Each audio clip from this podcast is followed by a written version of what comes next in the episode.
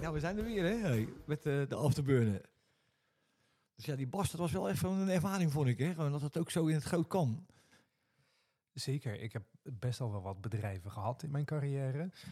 Maar nog nooit een bedrijf zoals dit. Nee, ik ook niet. En eigenlijk is het eigenlijk, als je over Choose Love praat, hij doet alles wat wij ook verkondigen. En het werkt dus ook op een heel goed uh, groot niveau. Ja, want van tevoren deed ik wat onderzoek en dan zie je toch ook wel wat criticasters die zeggen ja, het is een trucje, het is een kunstje, het is uiterlijk vertoon. En, maar ja, je hebt het zelf ervaren. We komen daar binnen, dan kom je in een prachtige hal kom je terecht. Dan zie je een paar dames en een heer achter een balie met allemaal lekkernijtjes. Er lopen vier monteurs in een ander jasje, dus die horen niet bij AFAS.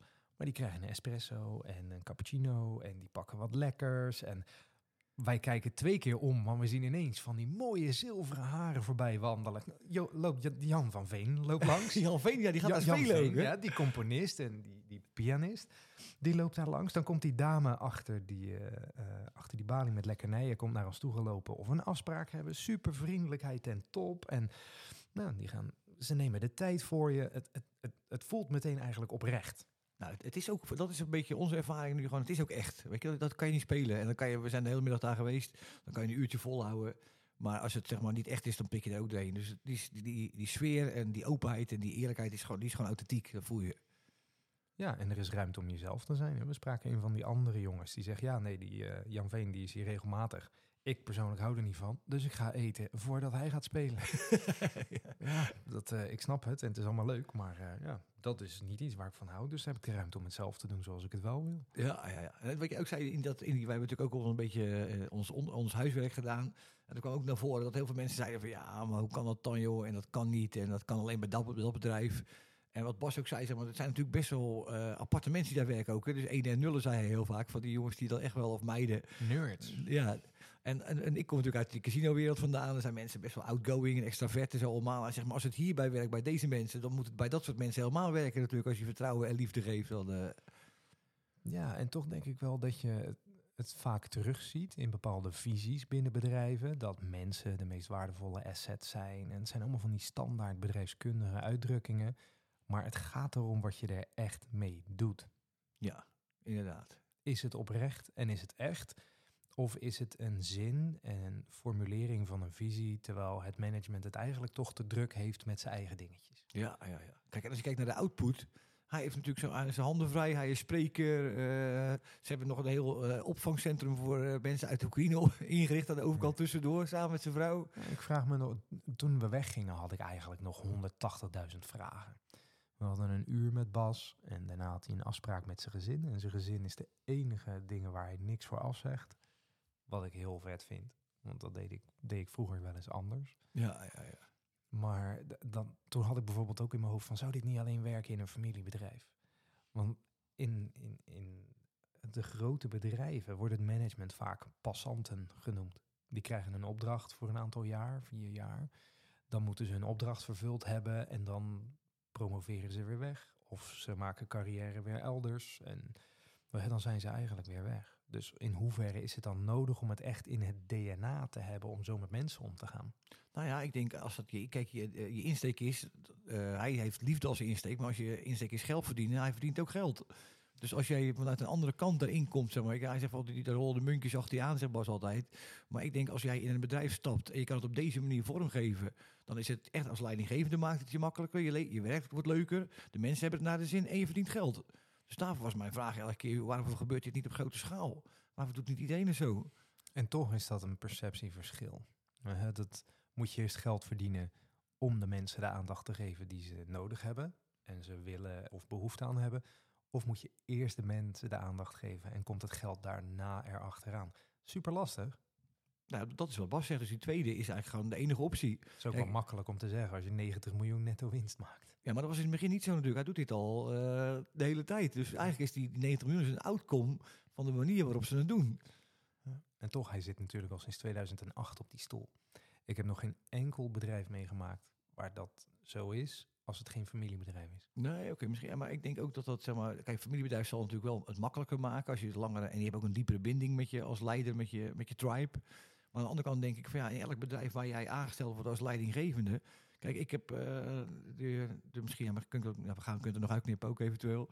Jij gaf ook aan, zeg maar, jij geeft ook zo'n leiding zeg maar, in jouw bedrijf. En dan wordt eigenlijk gezegd, van, hey, je bent een pleaser. En dan wordt het eigenlijk een soort gebagatelliseerd of nou, misschien niet gewenst eigenlijk. En ik denk juist als je dat op die manier aan zou pakken. Nou, Jij doet eigenlijk hetzelfde als Bas, alleen op kleinere schaal. Ik denk alleen dat de discussie wel heel gezond is. Want je kan natuurlijk pleasen en mensgericht zijn en het resultaat daarbij vergeten.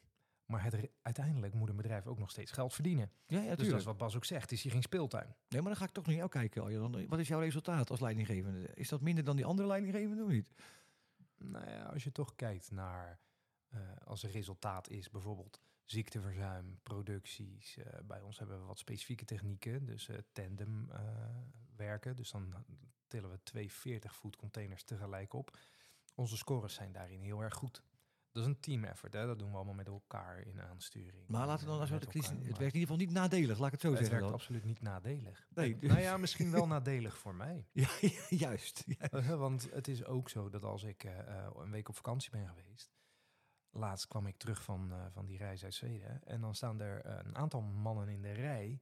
Van ja, we hebben even gewacht tot jij er bent. Want er moet wat geregeld worden. Maar bij jou weet ik in ieder geval dat je er moeite voor doet. Ja, ja, ja, ja. En ja, dat vind ik. Ja, weet je. Bij ons is heel veel gestandaardiseerd. Er zijn allemaal regels voor. Wanneer mag je vrijvaren? Tot hoe ver van tevoren? Hoeveel mensen mogen er vrij? En, maar ik maak die lijntjes altijd een beetje grijs. Ja, het is ook ja. gewoon realisme. Het is een operationeel bedrijf en dan kan je zeggen 20% van de mensen mogen vrij zijn. Maar als ik weet dat het op een donderdag is waar de kade vaak onderbezet is, ja, dan wijk ik wel af van die 20%. Dat is ook resultaat voor het bedrijf, want uiteindelijk zijn vrije dagen vertegenwoordigen waarde. Ja, ja, ja, Dat is gewoon geld wat cash gereserveerd moet worden op de balans binnen een bedrijf. Eh, dus ja, als zij minder vrije dagen hebben, Ja, is dit- de is liquiditeit beter. Dus dat is een win-win situatie. Maar SEC, zeggen mijn collega's vaak, nee, er is al 20% vrij, dus je mag niet vrij. Punt. Ja, ja. Ik maak dat lijntje dan grijs. Maar daardoor weten ze wel dat als ik nee zeg, dat ik er ook alles aan heb gedaan. Krijg ik nooit geen gezeik. Nou, ik, En je als- ik zou vertellen, het popt iets zo in mijn hoofd op nu, zeg maar. En dat is iets van, denk ik, 25 jaar geleden in het casino. En het was iets heel belangrijks voor de club ook. En ik moest echt vrij hebben.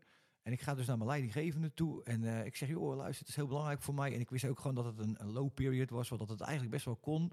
Weet je wel. Dus eh, hij zegt, ja, ik ga wel kijken voor je.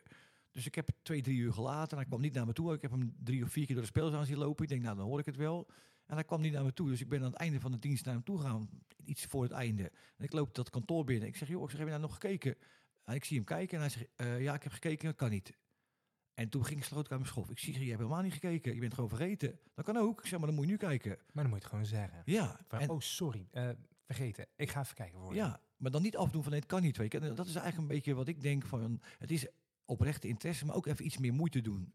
Nou, het is zelfs zo, dat is opvoedkundig zo, maar dat is ook als leidinggevende zo. Op het moment dat je zegt misschien, of ik ga even kijken, dan gebeurt er iets in de hersenen van de mensen. Eh, en dat kan voor jou een futiliteit zijn in een vrije dag, of een verschuiving van een dienst, of eh, mag ik een snoepje, weet ik veel, voor je kinderen. En je zegt misschien verandert er iets in de hersenen. En als je dan alsnog nee zegt later, dan maak je hersenen maken meer dopamine aan. Dus de nee komt dan twee keer zo hard binnen, omdat je hebt gezegd, ja, ik ga wel even kijken. Of misschien. Als Ja, je weet dat nee is, moet je gewoon meteen nee zeggen en duidelijk zijn. Doet het ook zeer, dat vinden wij moeilijk als mensen om nee te zeggen. Want stel je voor dat iemand me niet meer aardig vindt. Maar nee is gewoon nee en dan kunnen we daarmee dealen. Zeg je misschien of ik moet even kijken en later zeg je nee, is het effect ja. vele malen slechter omdat de piek dopamine, de cortisolpiek, Ja, de stresshormoon, is dan vele malen hoger. Oh, daar ligt het aan, joh. Dus hebben wij toen, Ja. toen wij voor het casino zeg maar, voor hogere functies moesten solliciteren, kwam je ook met slecht nieuwsgesprekken, weet je, dat je dan eerst het nieuws moet delen en dan pas later. Dat was een, een mooie anekdote trouwens. Eh, een collega van mij, zeg maar, die ging op voor dezelfde functie. Hij was ook een eh, vriend. En we moesten allebei naar hetzelfde bureau in Amsterdam om getest te worden. Dus hij is die avond da- daarvoor, zeg maar, heb ik hem helemaal scheel gebeld. Want hij heeft dezelfde, dezelfde vragen gekregen, dezelfde test als ik. Want het was voor dezelfde functie, voor hetzelfde bedrijf, in hetzelfde bureau. Dus ik heb hem s'avonds gebeld, hij was een dag voor mij. Ik zeg, wat gaan ze vragen, wat gaan ze doen? En, eh, want ik denk, hij krijgt dezelfde vragen. En er was dus een casus bij, er was een videocasus. Dan zit je op een stoel, dan zitten er rechts van je drie eh, nou ja, mensen die jou eh, beoordelen te, te schrijven. En dan komt er een video in beeld en dat meisje die zegt van... joh, ik ben nou na, na vier jaar zwanger, ik wil parttimen. Maar je casus is van, joh, luister, we hebben alle mensen nodig... er kan niet gepartimed worden allemaal. Dus als je dan meegaat in dat verhaal, joh, hartstikke leuk, eh, wat wordt het? En gefeliciteerd. En, en je zegt dan, nee, je kan niet parttimen. Dus je moet eerst vertellen, nee, je kan niet parttimen, sorry. En dan meegaan in de emotie van, leuk dat je zwanger bent. Dus op een gegeven moment, ik zit daar. En in het casino was ook een beetje de, de tendens, dat er, of tenminste de indruk dat wij heel veel relaties onderling hadden allemaal. Dus dat meisje komt in beeld en die zegt, stop, hey, eh, ik, eh, ik ben eigenlijk zwanger. En dat beeld stopt. Ik zeg, toch niet van mij, hè? dus ik zag al die, die, die, rapporteurs gelijk de hoofd omhoog. En die schoten al drie in de lach. Ja, jullie doen het allemaal met elkaar, zegt die, zegt die ene vrouw. Ik zeg, nou, niet allemaal, maar eh, deze zegt, nee, klopt, maar je moet dus eerst... Ik zeg, nou, ik weet dat ik eerst moet zeggen, nee, sorry, het kan niet. En dat ik dan in de emotie mee moet gaan. Want dat is dus die, die dopamine wat jij zegt. Dus je kan niet eerst Ja, Heel veel leuke dingen. cortisol. ja, Stresshormoon is dat. gelijk slecht nieuws brengen en dan pas meegaan in de emotie. Dan. We hebben allemaal theorieën voor sandwichmethodes, et cetera. Maar je moet gewoon eerlijk zijn. Ja, ja nou, Als je is- weet dat nee is, is het gewoon nee. Maar dat is het mooie aan, aan AFAS, weet je. Dat is, daar zijn ze echt gewoon hè, naar elkaar toe. Ook als mensen zich zorgen maken. Weet je, als, als iemand bijvoorbeeld heel erg dik wordt... en dan gaan ze met elkaar in gesprek hoe gaat het goed met je? Nou, ze hebben een, een eh, maandelijks eh, update over het bedrijf. Hoe gaan de resultaten? Wat zijn de nieuwe klanten? En, eh, en noem maar op. Hoe gaat het met de mensen? Maar er wordt ook serieus gedeeld wie er echt heel erg ziek is en wie er hulp nodig heeft. Ja, ja. Om, ja, omdat collega's voor elkaar moeten zijn. Nou, dat is in mijn branche ongehoord. Ja, het is ook tribe, hè. Dat is, dat is oprechte Ja. interesse in elkaar. Gisteren kwam er een collega bij me binnen van, joh, ik heb die collega al een tijdje niet gezien. Weet je hoe het met hem gaat? Ja, ik weet het ook niet in detail. Ik weet wel iets, maar ik mag er niks over zeggen. Want als ik dat doe en die gaan naar de OR, dan eh, mag ik bij HR komen. Ja, ja, ja. Dus Ja. eigenlijk tegenovergesteld. Eigenlijk. Je, hebt op, je hebt interesse, je mag er niks over Het zeggen. bij, gaat bij ons zo ver dat als iemand zich ziek meldt en ik vraag van, joh, mag ik vragen wat je hebt? Nee, mag je niet naar vragen. Ja, serieus joh. Ja. Jezus, ja, dat is ook een beetje... een- een- als je praat over, syste Privacy. over systemen, ja. Wantrouwen. Ja, ja. Ik Gelukkig heb ik er in mijn ploeg absoluut geen last van. Maar jij mag het dus wel doen. Bij jou, als jij zegt van, joh, we zijn er open over, dan kan het wel. Dus het is geen bedrijfs... Binnen mijn policy. ploeg heb, merk ik nooit dat mensen terughoudend zijn of wantrouwend zijn. Of, maar dat heeft moeten groeien. Ja, ja, ja. Want dat is wel grappig. Toen ik bij AP APM kwam werken, was het ook van, wat is dat voor een rare kerel, joh. Die past hier helemaal niet tussen al die havengasten. Die gast is altijd vrolijk, is altijd vriendelijk, die doet een kunstje. Zo werd dat echt ervaren. Ja, dat is zoals tegen Bas ook gezegd hebben. Ja, dat heeft maanden geduurd voordat ze dachten, maar hij is nog steeds zo vrolijk. Hij is nog steeds zo vriendelijk. Hij, is hij echt zo? Ja, hij is echt zo. En toen, nou ja, die ploeg geweldig, in mijn hart gesloten. En toen moest ik naar een andere ploeg. En toen begon dat kunstje eigenlijk weer opnieuw. Van, het is hij vrolijk, joh. Pff, Jezus, wordt hij niet moe van zichzelf? Maar na mijn briefing, als ik de aftrap van de dienst doe, is het altijd... Tjaka, we gaan over kolen lopen. Wat een positiviteit altijd, zeg. Ja, sorry, dat is wie ik ben. Ja, ja, ja. Nou ja, ik geloof ook dat het systemen, weet je wel, ik was, maar ja, een apart verhaal hoor. Mijn moeder en mijn tante, zeg maar, die hebben heel lang samen gewoond nadat mijn vader overleden was. En dat was dus was mijn, de, de zus van mijn vader. En eh, die was terminaal, die werd thuis verzorgd. Mijn moeder was mantelzorger. En ze had ook af en toe een vrouw van de, van de, de die kwam helpen dan, zeg maar. En toen was de eindfase en toen had die vrouw tegen mijn moeder gezegd, want mijn moeder is ook eh na eind 70, begin bijna 80. En dat die vrouw zegt, als het nou niet meer gaat vannacht, of ze overlijdt of er gebeurt wat, hier heb je mijn 06-nummer, dan kan je me bellen. Weet en mijn moeder, ah, hartstikke bedankt. En eh, in ieder geval, dat geeft me heel veel rust als er wat aan de hand is. En het was gelukkig niet, niet nodig, want het was de volgende dag en allemaal netjes gegaan. En, eh, maar die, dat 06-nummer, dat gaf mijn moeder zoveel rust dat ze ook kon slapen allemaal. Dus ik wilde de volgende dag, tenminste toen het gebeurd was, heb ik die vrouw nog gesproken van die dat nummer had gegeven. Ik zeg, joh, eh, geef me je, je naam en zo. Dan ga ik een complimentenbrief schrijven naar de organisatie dat jij dat gedaan had. Mijn moeder vond dat zo belangrijk. Ze zegt, nee, dat moet je niet doen. Want dan krijg, Mag krijg, gezeik mee. Als ik mijn 06-nummer had gegeven, dan... eh, ik zeg, ja, maar ik wil je een groot compliment maken naar je, naar je baas toe. Ja, en dat zie je wel in. Uiteindelijk hebben de mensen er ook behoefte aan. Ik heb eh, eh, samen met mijn broer tot, eh, tot de dood aan toe voor onze oma gezorgd. En ook daar zie je exact hetzelfde. Die meiden die gaven zorg aan mijn oma. En we hadden de privénummers van ze en noem maar op. Maar ook daar was het van ja, zeg dat maar niet tegen onze planning. Want eigenlijk ja, mag ik hier helemaal niet meer zijn. Moet ik al weg zijn? En eh, Dat is toch absurd, of het niet? is echt absurd. Maar kunnen we dat niet veranderen, Arjen? Want dat is natuurlijk onze taak als, eh, als podcastmakers en theatermakers. Dat wij zeg maar, die choose love me- mentaliteit van, A, van AFAS ook in de zorg. En, want ik weet dat Jos, eh, Jos de Blok van buurtzorg is daar ook mee bezig. Hè, met dat vertrouwen geven. Jullie maken zelf je roosters. En ga je gang, weet je. Dus je moet er zelf kijken als iemand breekt of iemand wordt emotioneel. En eh, je hoeft niet na tien minuten weg te wezen, weet je. Dan moet je er gewoon zijn voor die mensen. Die intentie is wel goed. Maar ik denk dat het ook wel belangrijk is om bij je cirkel van invloed te blijven. We- Met deze podcast bereiken we dus echt mensen. We krijgen hele leuke reacties.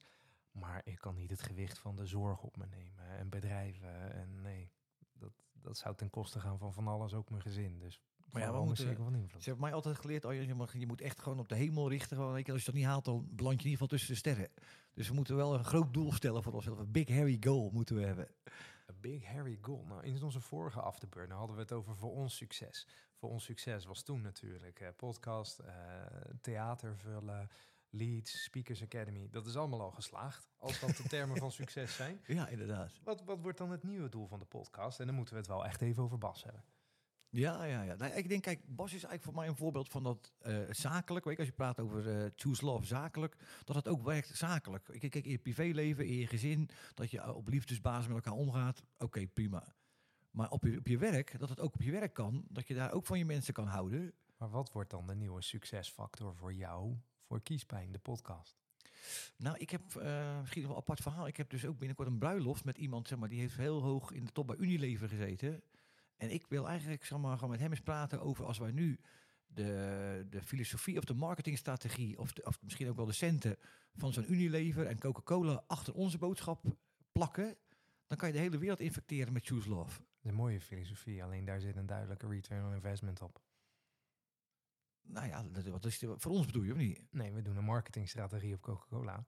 Want dan verkopen we meer Coca-Cola, Ja, ja, ja. halen we meer winst binnen. Nee, maar mijn vraag aan hem is dus eigenlijk gewoon van... joh, luister, we- nu gaan alle knappe knoppen, koppen in de wereld... weet je, de mensen die heel slim zijn en die echt briljante ideeën hebben... die worden ingehuurd door dat soort bedrijven. Dus die gaan hun intelligentie en hun, hun inzichten... en hun alles wat ze hebben delen om meer producten te verkopen. Maar als we nou die knappe kop eens koppelen aan wat wij doen... weet je, als we van aan, aan liefde verspreiden... aan anders met elkaar omgaan... Dus het Kiespijn Business Festival. Ja, ja, en dan hoeft het niet eens business te zijn. Want ik denk dat als we dan toch een big hairy goal gaan maken... dan moet de hele samenleving eraan geloven. Aan Choose Love. Kiespijn, het festival.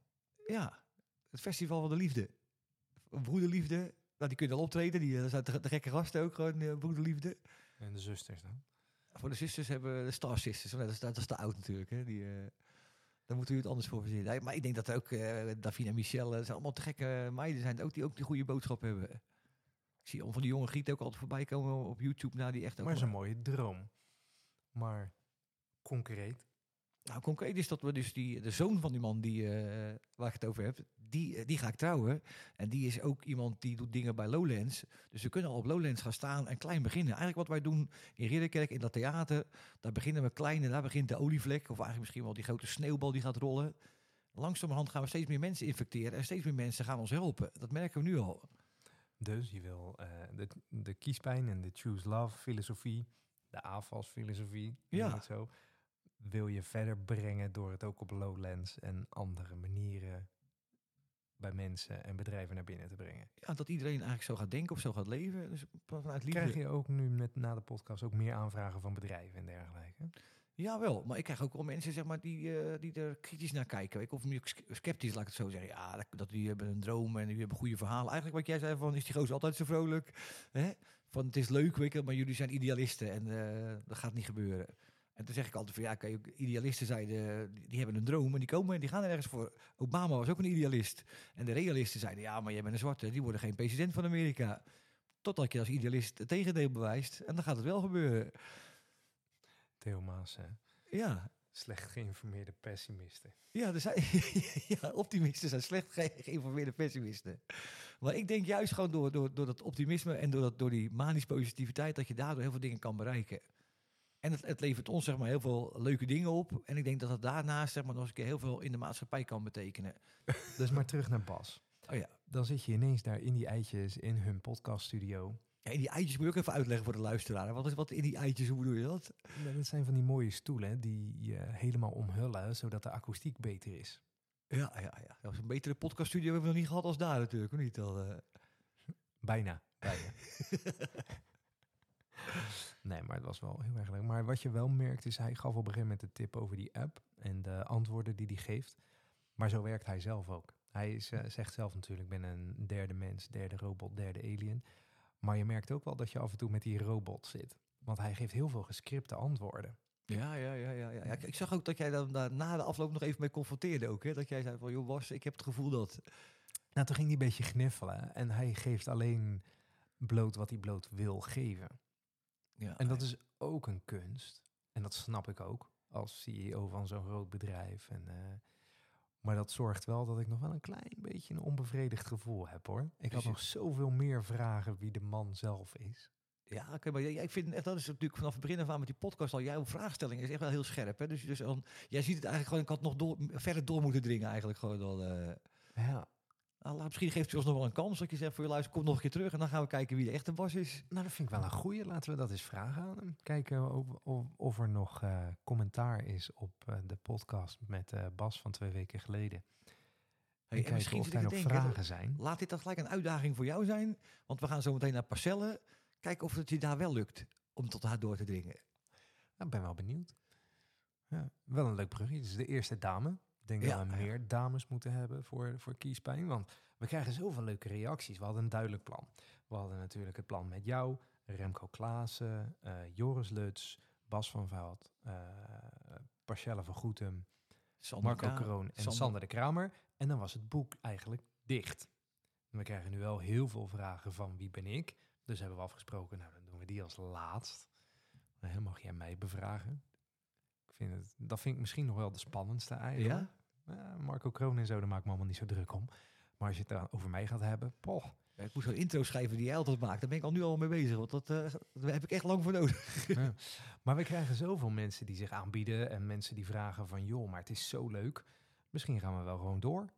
Ja, ik, eh, kijk, jij bent een podcastmaker. Hè? Ik ben een beetje de, de spits, ik mag ze afmaken. Maar jij bent eh, degene die het team samenstelt, die alles klaarzet, die de vragen voorbereidt, die alles doet eigenlijk. Gewoon, dus ja, als jij zegt voor joh, luister vriend, eh, ik ga ervoor. Mij heb je. Nou, deal. Oké. Maar Nou, laten, laten we ons netwerk aanboren en kijken of er nog andere mensen zijn. Dus als je luistert en je vindt jezelf een interessant persoon en je hebt wat te delen, of je kent iemand dat je zegt die moet wat delen, nou, laat het achter in de comments of stuur een bericht. ja, iedereen die voor de liefde gaat, die, eh, die is bij ons uitgenodigd. Gewoon dan, eh. Nou ja, het is misschien ook wel eens aantrekkelijk om de andere kant aan tafel te hebben en daar een goede inhoudelijke discussie over te hebben. Want een goede discussie betekent niet dat je elkaar niet kan, hoeft te respecteren. Juist, maar dat is ook vanuit, vanuit liefde kan je natuurlijk heel mooi met elkaar in gesprek gaan over nou, hoe zie jij het gewoon. Ik zonder oordeel en dan, ik denk dat we juist zeg maar, dat nodig hebben dat mensen zonder oordeel met elkaar in gesprek gaan. Nu wordt iedereen al de deur dichtgegooid voordat je überhaupt, oh jij hebt zo'n jasje aan, ga ik niet mee in gesprek. Oh jij bent dat? Nee, ga ik niet mee in gesprek. Nou, blij dat ik nooit in mijn witte karatepak loop dan. Maar Parcelle, ik ben wel heel erg benieuwd, want zij is natuurlijk eh, eh, de meest gevraagde Nederlandse spreker op het gebied van overtuigen. Eh, hoe verko- verkoop je ijs aan een Eskimo in haar boeken. ja. Dus ik ben wel benieuwd hoe zij is als gesprekspartner. Nou, ja, ik kan in ieder geval zeggen hoe zij is als vriendin. Het is echt gewoon een wereldwijf. Gewoon, zij is echt open. En ik vind ook als iemand praat over, zeg maar, over beïnvloeding, hè, zeg maar, hoe je dan. Zij heeft dus ook een boek geschreven dat heet Macht aan de aardige mens. Een aardig mens kan je ook niet faken. En zij heeft dus ook weer, dat vind ik wel een mooie, daar kunnen we natuurlijk ook op doorgaan. Op het moment dat haar boek uitkwam, toen eh, was de strijd tussen Biden en Trump net eh, achter de rug. En Biden had gewonnen van Trump. En dan brengt zij macht aan de aardige mensen eh, uit. Dus ik denk dat je, dat kan je niet faken. Zij is echt een aardig mens en daardoor kon ze dat boek schrijven. En ik denk dat die kanteling waar we in zitten, dat het meer gaat naar de mensen die wel oprecht zijn, die kiezen voor de liefde, dan dat we gaan kiezen voor de mensen die minder aardig zijn, laat ik het zo zeggen. Minder aardig voor de medemens dan, hè? voor de planeet, eh, voor vrouwen, voor minderheden, voor mensen die er anders uitzien, die op een motor rijden, die, eh, alle mensen die er anders uitzien. We zijn allemaal mensen. Ja, en ik zeg altijd wel eh, in de presentatie ook voor kiespijn. ik zeg, wel, luister, zoek even iemand op die er vreemd uitziet. Hè? of die, of die er, zijn, genoeg van, of die eh, vreemd is voor je.